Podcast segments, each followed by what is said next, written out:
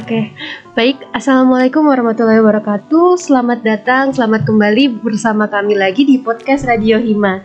Pada kali ini kami uh, akan membawakan judul yang mengenai Mapres dan di sini kita sudah ada dua narasumber kita yang kece abis, kece banget.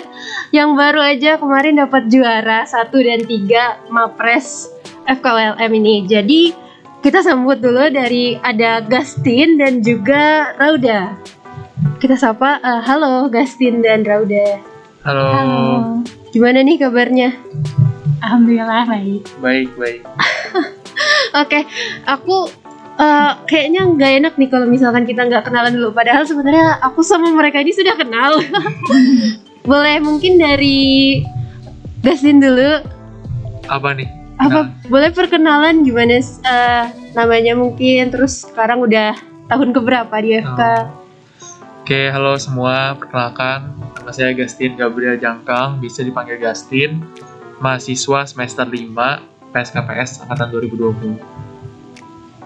Silahkan, Rauda. Oke, halo semua. Perkenalkan, nama aku Rauda Rizky Villa, biasa dipanggil Rauda sama kayak Gastin dan Hafi, aku angkatan 2020 dari PSKPS FKULM. Ya, oke okay, baik. Makasih banget kak buat kalian berdua. Oh ya, ini kalian kita nih sama-sama anak Spenoid dan juga anak-anak Hima ya. Tapi bedanya aku aja yang dari IT perkenalkan juga jadi kedua kedua narasumber kita ini dari divisi Pen Pro. Hmm. Pen Pro Pride. Ya, Pen Pro Pride. Jadi aku ingin tanya-tanya ke kalian nih, kan baru aja dapat prestasi nih sebagai mahasiswa berprestasi. Aku mau nanya dong, kalau di mata aku itu kan mahasiswa mapres atau mahasiswa berprestasi ini kan kayak mahasiswa yang selalu juara secara akademik, secara apa pun itu. Nah, kalau di mata kalian gimana sih mapres itu? Coba nih, aku dulu. boleh, boleh, boleh. Oke, okay. Uh, dari aku sendiri Mapres itu pertama kali dengar ya sebagai maba itu mikirnya kayak role model para mahasiswa gitu. Karena rata-rata para para mapres itu apalagi yang udah tingkat nasional itu biasanya ada sesuatu yang bisa diceritain ke orang-orang, inspirasi lah intinya. Terus bagi aku juga mapres itu adalah mahasiswa berprestasi, tapi bukan berarti dia menang-menang lomba terus. Soalnya aku lihat-lihat gitu di mana-mana, biasa yang jadi mapres itu juga suka mengabdi ke masyarakat, punya karya dan sebagainya gitu. Itu sih dari aku. Mungkin dari Gimana nih menurut Rauda? Setuju banget sih. Kalau menurut aku sendiri, mungkin pertama-tama denger mapres tuh kayak ibarat kayak mahasiswa yang menang-menang mulu gitu. Tapi ketika udah mahasiswa sekarang ini makin ngerti kalau misalnya Mapres itu bukan sekadar mahasiswa yang juara lomba, tapi kalau aku lihat Mapres itu seseorang yang dia itu nggak cuma menang lomba doang, tetapi punya skill-skill lain kayak skill public speakingnya, terus soft skill kepemimpinan dan lain-lain. Jadi mungkin itu definisi Mapres kalau versi aku. Oke, jadi Mapres tuh kayak dia tuh punya suatu kelebihan walaupun bukan prestasi yang bisa dinilai kayak juara satu juara dua ya terus juga bisa apa tadi tuh bisa memberikan kepada orang lain uh, mengenai apa yang dia bisa gitu terus aku mau nanya dong kenapa sih kalian uh, tertarik daftar buat jadi mapres apa motivasinya gitu Rauda, Rauda dulu dah. Eh, Rauda. kalau motivasi wapres ya dulu tuh memang pas SMP tuh kan kita pernah disuruh aku pernah disuruh nulis 100 kayak target. Ya BK dulu. Ya dari BK kayak 100 target yang ingin dicapai di dalam hidup. Nah aku ingat dulu tuh pernah menulis menjadi mahasiswa berprestasi ketika uh, kuliah. kuliah gitu. Nah oh, jadi dulu tuh pas kami ada info mahasiswa berprestasi itu rada takut sih tapi ma uh, mau coba lah gitu. Ibaratnya kayak pengen pengen pengen belajar dari dari sini gitu.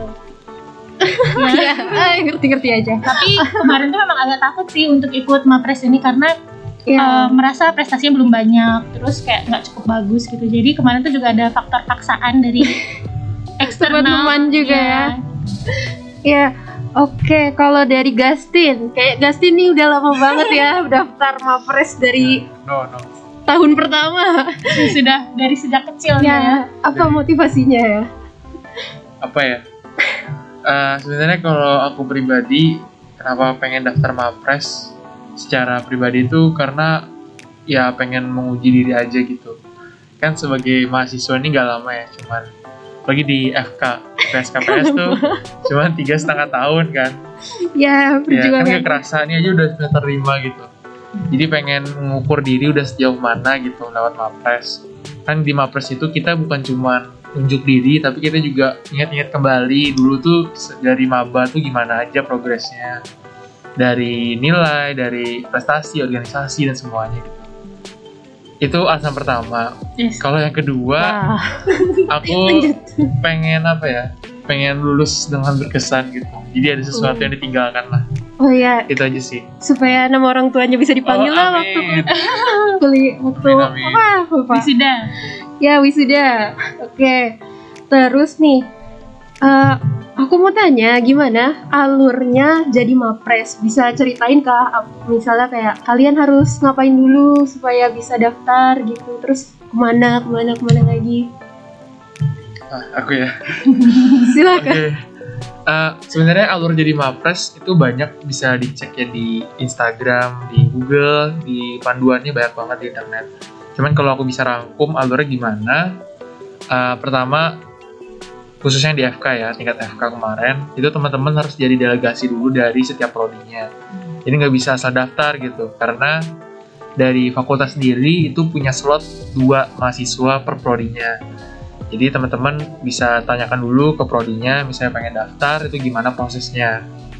Nah, ketika udah dapet nih izin jadi salah satu delegasi, kita baru boleh daftar. Nah, daftar ini banyak eh, syaratnya ya berkas gitu, dari CV, capaian bulan, kemudian kita disuruh bikin poster, kita juga disuruh ngisi G-form, presentasi bahasa Inggris dan lain-lain gitu. Tapi semuanya itu bisa kok dikerjain gitu. Ini buktinya aja masih selamat sampai sekarang. Jadi gitu. Nah, kemudian udah nih submit berkas, baru dah kita nunggu di hari H. Yang di hari H itu kita kemarin dua hari ya. Hari pertama itu ada tes psikotes.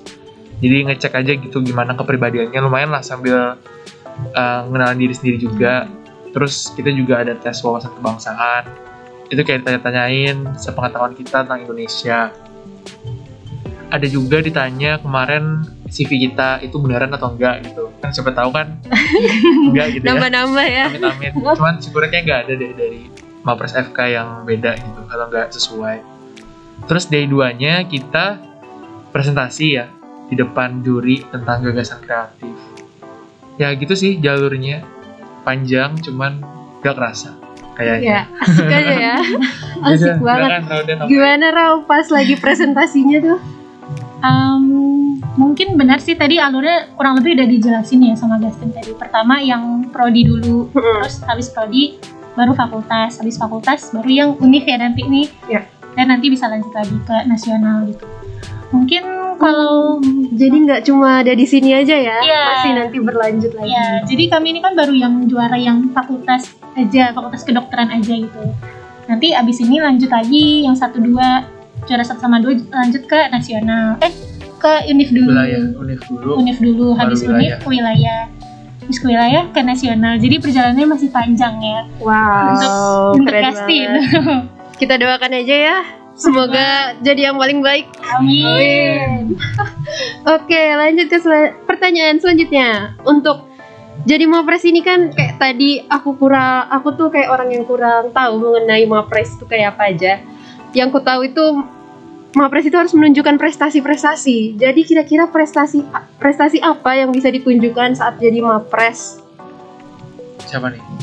Silakan Ra mungkin. Oke, mungkin ini em, aku baru tahu juga ya dari pedomannya. Kalau teman-teman mau tahu lebih lanjut, bisa lihat pedoman film Mapres untuk yang FK ini. Jadi dari jenis prestasinya tuh ada banyak cabangnya. Ada cabang yang kompetisi, kompetisi itu berarti yang kayak juara lomba, lomba-lomba yang eh, kayak sesuai sama minat dan bidang teman-teman gitu. Terus ada juga eh, bidangnya tuh pengakuan terus ada penghargaan, terus ada karir organisasi. Nah, untuk karir organisasi itu juga nanti dilihat dari organisasinya tingkat apa. Kayak apakah tingkat uh, kampus sama eh tingkat prodi, tingkat fakultas sama tingkat universitas tuh nilai nilainya beda gitu. Terus juga dilihat dari hasil karyanya, apakah ada hasil karya yang bisa diberikan, terus apakah dia sudah pernah melakukan aksi kemanusiaan atau ada pemberdayaan. Jadi untuk jenis prestasinya sendiri itu juga bermacam-macam, nggak cuma yang juara lomba doang. Oke, kalau dari Gastin mungkin ada tambahan? Ya dari aku kurang lebih ya sama kayak Rauda. Cuman mungkin sedikit aja nih info ke teman-teman. Jadi buat teman-teman yang mikir kalau seleksi Mapres itu harus orang yang juara 1, 2, 3 eh ikut lomba apa gitu, ternyata enggak ya. Kemarin aja kami banyak gitu teman-teman dari prodi lain yang prestasinya kayak organisasi. Itu banyak organisasinya gitu, ada yang di luar kampus, bahkan yang jadi duta gitu. Atau ada yang bikin apa buku bikin hak karya cipta, wirausaha, nah itu semuanya bisa prestasi gitu. Jadi jangan teman-teman pikir kalau daftar Mapres itu harus punya sertifikat juara 1, 2, 3. Karena tiap orang kan beda-beda gitu kemampuannya. Dan di Mapres itu semuanya dihargain. Makanya itu kita dapat golongkan sebagai prestasi gitu sih. Oke, jadi kita nggak boleh insecure banget ya untuk menunjukkan bakat dan prestasi dari diri kita walaupun nggak ada orang orang yang memberikan kita kayak juara 1 2 3 gitu. Betul. Oke, lanjut ya. Jadi eh, kira-kira apa aja yang dinilai saat seleksi? Ini kan eh, banyak ya yang cabang-cabangnya. Kira-kira apa yang bisa jadi penilai penilaian pas seleksinya itu? Oke, yang aku tahu ya dari kemarin seleksi itu memang yang diutamakan itu adalah uh, capaian unggulan kita atau CV kita gitu selama jadi mahasiswa. Jadi uh, aku pernah dengar dari salah satu orang itu ikut mapres itu bukan kerja satu malam gitu, tapi kerja dari kalian mulai masuk jadi mahasiswa. Karena yang dinilai itu kalian jadi mahasiswa gitu, bukan saat kalian daftar mapres aja kayak misalnya ditanya di PK-nya gitu. Itu kan semuanya dari awal. Atau nanya misalnya organisasinya kemudian riwayat apa prestasinya itu kan nggak bisa ya. Kayak pengen ikut mapres terus seminggu itu nyari 10 lomba sekaligus kan nggak mungkin. Jadi teman-teman itu disiapkannya dari jauh-jauh hari.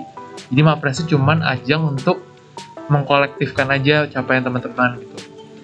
Dan itu nilai tinggi ya. Kemarin kalau nggak salah sekitar 60% atau 50% lebih gitu buat CV tadi. Terus yang kedua, yang dinilai itu juga tertinggi kedua itu gagasan kreatif. Karena teman-teman jadi mapres itu diharapkan punya inovasi buat bangsa kita. Nah, jadi kemarin juga dinilai itu presentasinya. Apakah ini ide yang baru dan bisa bermanfaat bagi orang banyak. Dan yang ketiga, itu tentang wawasan kebangsaan tadi. Teman-teman tahu nggak apa sih yang terjadi di Indonesia atau di luar negeri sekarang? Atau juga ditanyain nih kemarin juga ada kami tuh LGD ke bahasa Inggris. Itu leaderless group discussion. Jadi kayak kayak kita tutor tutor tapi nggak ada nggak ada instrukturnya gitu. Kita ngebahas topik pakai bahasa Inggris. Banyak sih cuman itulah seru. Gimana tuh? Yang tutor tapi nggak ada yang tutorin itu gimana mas? Nah, silakan nah, udah. Ah, bagaimana cara penilaiannya kalau begitu? Oh, kalau untuk penilaiannya mungkin aku belum bisa jawab, banyak gitu. Mungkin kalau kemarin LGD-nya itu atau leaderless group discussion, jadi kami tuh kayak dikumpulkan dalam satu meja gitu dan nanti dikasih kayak skenario. Kalau kemarin tuh skenario-nya tentang HIV, terus kami diminta kayak apa program yang bisa diberikan, terus disuruh apa ya kayak eh, bekerja sama antar. Kami kan eh, di fakultas tadi kan ada yang dari PSKPS, ada yang dari Kesmas, ada yang dari keperawatan gitu. Jadi antar eh, prodi ini apa yang bisa digabungkan gitu program apa yang bisa jadi yang bisa dibahas lah untuk menjawab skenario itu Oke, tadi aku sempat dengar ada kata ing- kita mem- kalian memberikan inovasi. Nah, Raud- eh, boleh tanya lah mungkin eh, dari dari Rauda dulu inovasi apa yang waktu itu kamu sampaikan? oh my god gagasan gagasan kreatif ya benar Ya, iya. kalau untuk gagasan kreatif yang kemarin tuh jujur sebenarnya menurut aku sendiri belum cukup kreatif ya karena uh, gagasan itu sebenarnya juga sudah ada Em, kemarin tuh aku tentang pembangun pembangunan uh, komunitas ibu dan anak untuk mencegah transmisi vertikal HIV. Jadi kayak edukasi-edukasi apa saja, program-program pemberdayaannya apa gitu. Keren banget tuh. Kalau dari Gastin sendiri, Aku kemarin agak melenceng sih ya, lebih ke tekniknya. Jadi kemarin bikin ide tentang kayak bangunan ya pengelolaan limbah medis lah. Kan sekarang kalau limbah kan dibuangnya ya entah itu dibakar atau dicampur-campur sama sampah lain. Nah, jadi aku bikin kemarin ide tentang khusus kayak TPA tapi buat limbah medis dan itu berbasis lahan basah. hmm, Jadi ya nggak tahu deh, cuman kayak gitulah. wow, Semoga Sangat berinovasi. kreatif. kreatif sekali keduanya ini, aduh. Oke, lanjut nih. eh, gimana sih?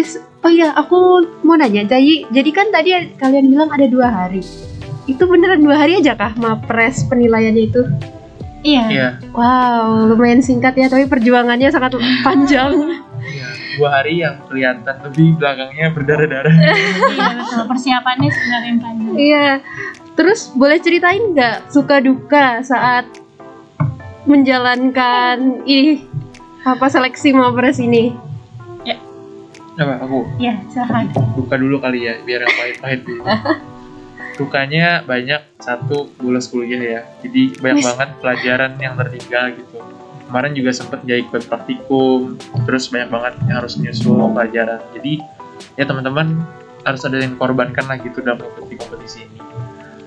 Terus yang kedua, eh, merasa diri ini masih belum cukup gitu karena dalam kompetisi mapres kan kita dihadapi nih sama mapres-mapres lain dan itu banyak banget hal-hal yang masih kita kurang dan perlu diperbaiki jadi dukanya adalah kita jadinya lebih ya terkadang insecure lah di tengah-tengah situ cuman berujung waktu akhirnya bisa ambil hal baiknya setelah selesai mapres Ya, sukanya sukanya kita duka-dukaan dulu Oh, gimana? duka-dukanya. Boleh. Mau duka-duka dulu. Kalau duka aku hmm, mungkin sama sih yang paling yang paling duka menurutku tuh adalah insecure dan beban dari Ah, prodi ya sebenarnya merasa kayak eh, mungkin aku mengiranya kalau Gastin tuh kan ya sudah pas gitu ya sudah cocok untuk menjadi perwakilan dari prodi PSKPS gitu tapi kalau aku sendiri aku merasa kayak sepertinya ada sangat banyak orang yang lebih hebat dari hebat diri dan lebih sendiri. pantas daripada aku untuk berada di posisi ini gitu. Jadi mungkin itu duka aku yang pertama insecure, sangat meragukan diri sendiri gitu sampai apa ya udah berkali-kali pengen niat mundur gitu tapi nggak ada yang bolehin.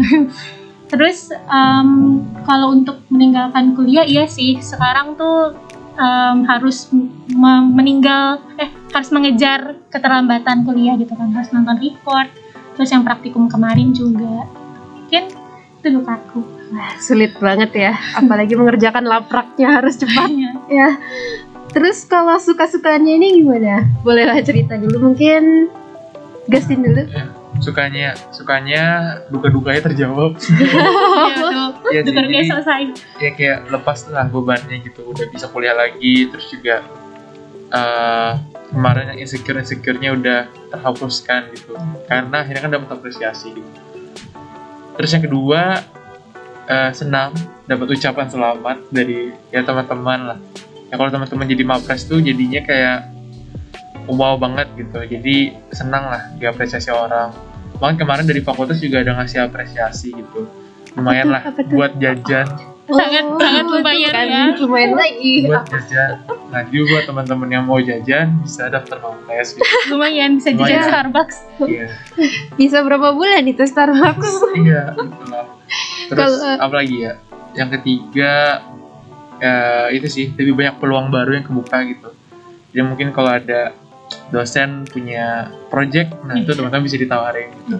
Itu sih. aku nggak ada Relasi juga ya. Iya, Iya. Tambah.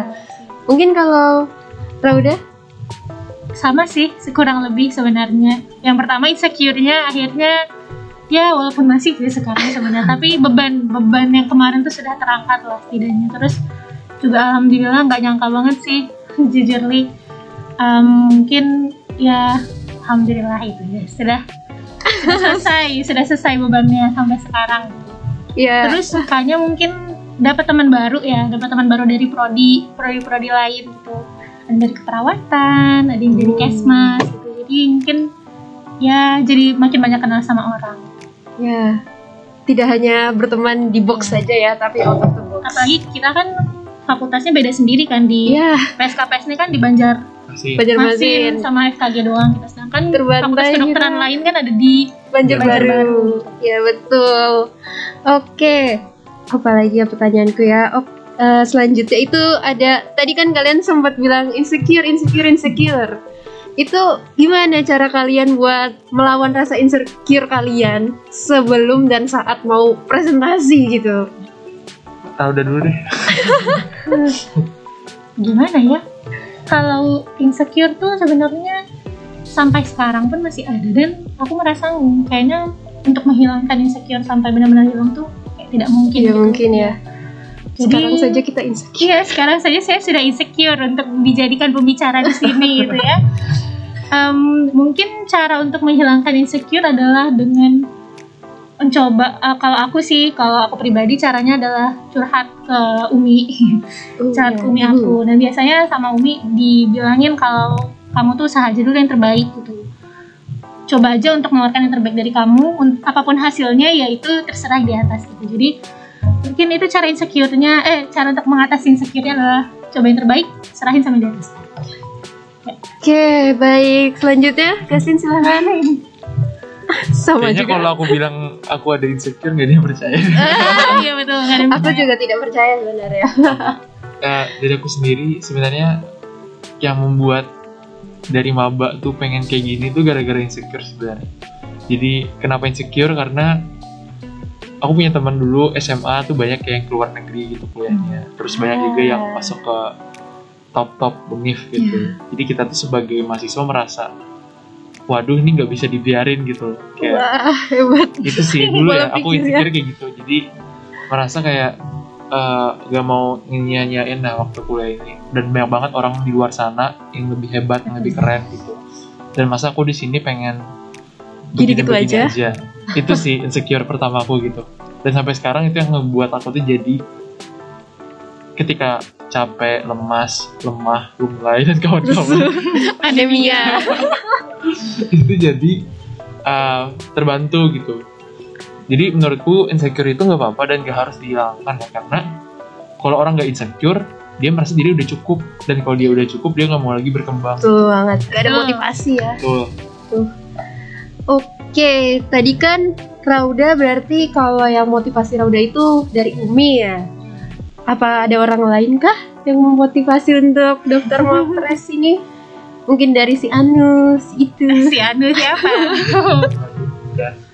Em, siapa ya yang memotivasiku mungkin dari fakultas ini dari prodi ya ya secara tidak langsung sudah se- seperti memaksa untuk Memaksa. ya Ya, ayo semangat Rauda, ikut mapres, betul. bisa.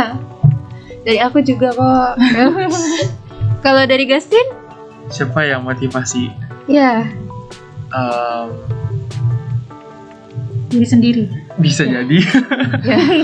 uh, apa ya? Mungkin dari teman-teman, dari keluarga, dari kampus juga semuanya menyarankan ikut mapres. Dan memang dari diri sendiri juga kepengen juga gitu jadi mapres. Jadi ya gitulah, gak terlalu berat sih motivasinya. Cuman ketika banyak tugasnya aja capek. ketika menjalankan itu ya Ketika kan, menjalankannya seperti capek. ingin mundur awal biasanya kan orang awal-awal semangat, tapi pas dilakuin ah udah ah selesai aja capek. Oke, jadi itu aja pertanyaanku buat sekarang. Mungkin untuk yang terakhir, aku mau tanya mengenai harapan dan harapan dan closing statement dari kalian berdua. Mungkin bisa sweet, bo- boleh sweet mungkin Penting batu tas. Ya, Ya. salah dulu. kalah duluan. apa ya ini harapan untuk diriku sendiri Harapan dirimu se- untuk dirimu sendiri.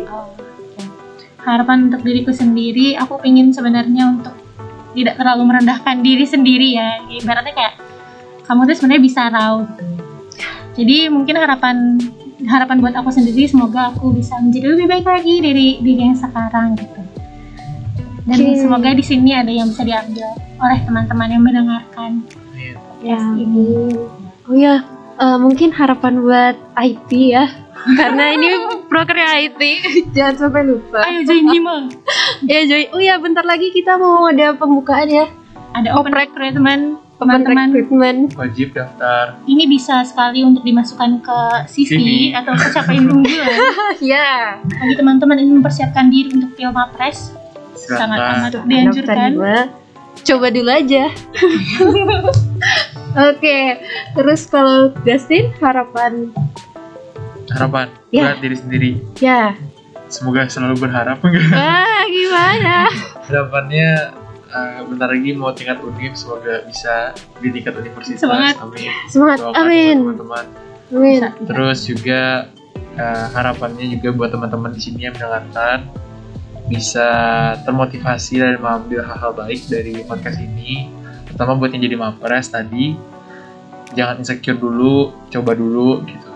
Siapa tahu ini rezeki ya teman-teman gitu. Iya betul Yes. Terus buat Ke depannya siapa nggak ada ya? yang tahu lah. Buat IT ya, buat Ya. IT semoga semakin besar, podcastnya seperti Deddy Kobusier, Wah, dibaca. trending di YouTube trending di YouTube, dan makin banyak uh, bisa menginspirasi orang lewat sosial media terus. Ya, amin. Oke, mungkin ada closing statement dari kalian berdua sebelum kita menutup. Sebelum aku menutup. kalau dari aku benar sih tadi jangan insecure dulu cok kalaupun insecure tidak apa-apa tapi cobalah dulu jangan batasi diri kalian sendiri Ya, betul. Kalau dari Gastin? Kalau dari aku, mahasiswa berprestasi itu bukan cuma sekedar gelar gitu. Buat teman-teman yang pengen mendapatkan title ini sebagai mahasiswa berprestasi harus siap-siap karena tanggung jawabnya masih lebih banyak ke depannya. Karena teman-teman nanti yang akan memotivasi ada tingkat di bawahnya gitu. Mungkin itu dari aku, semangat teman-teman semua. Oke, dengan ada dengan berakhirnya closing statement dari teman-teman narasumber kita Gastin dan Rauda, mungkin kita sudahi juga podcast pada hari ini. Terima kasih banyak untuk teman-teman yang sudah mendengarkan dari awal sampai akhir. Jangan lupa untuk like, subscribe dan komen. Ya, kami tunggu kalian di acara podcast selanjutnya. Sampai jumpa. Dadah. sampai jumpa dadah